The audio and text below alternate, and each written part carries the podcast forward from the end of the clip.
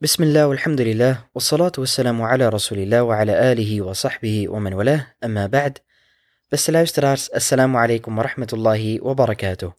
Welkom bij de Ramadan Adviezen, dag 10. Vandaag wil ik het hebben over sujood sahu. En hopelijk heb je hier wat aan tijdens de Ramadan, maar ook na de Ramadan. Want aangezien we deze maand meer in het gebed staan, is de kans groter dat we wel eens iets vergeten in het gebed. En afhankelijk van wat je bent vergeten in het gebed, zou je dit kunnen oplossen met sujood as-sahu. De sujood as-sahu zijn twee neerknielingen die je voor of na de teslim doet. En de reden hiervoor kan één van de volgende drie situaties zijn.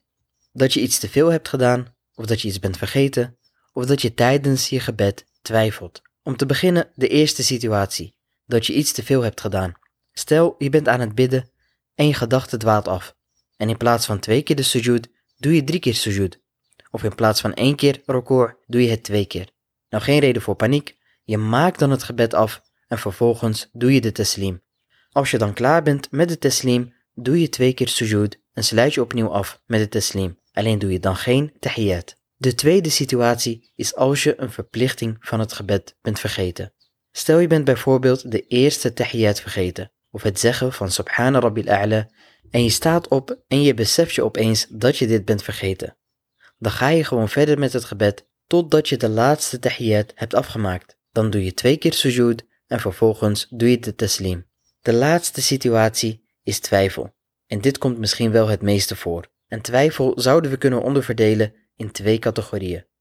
Twijfel met een sterk vermoeden en twijfel dat je het echt niet meer weet. Laten we een voorbeeld nemen om het te verduidelijken.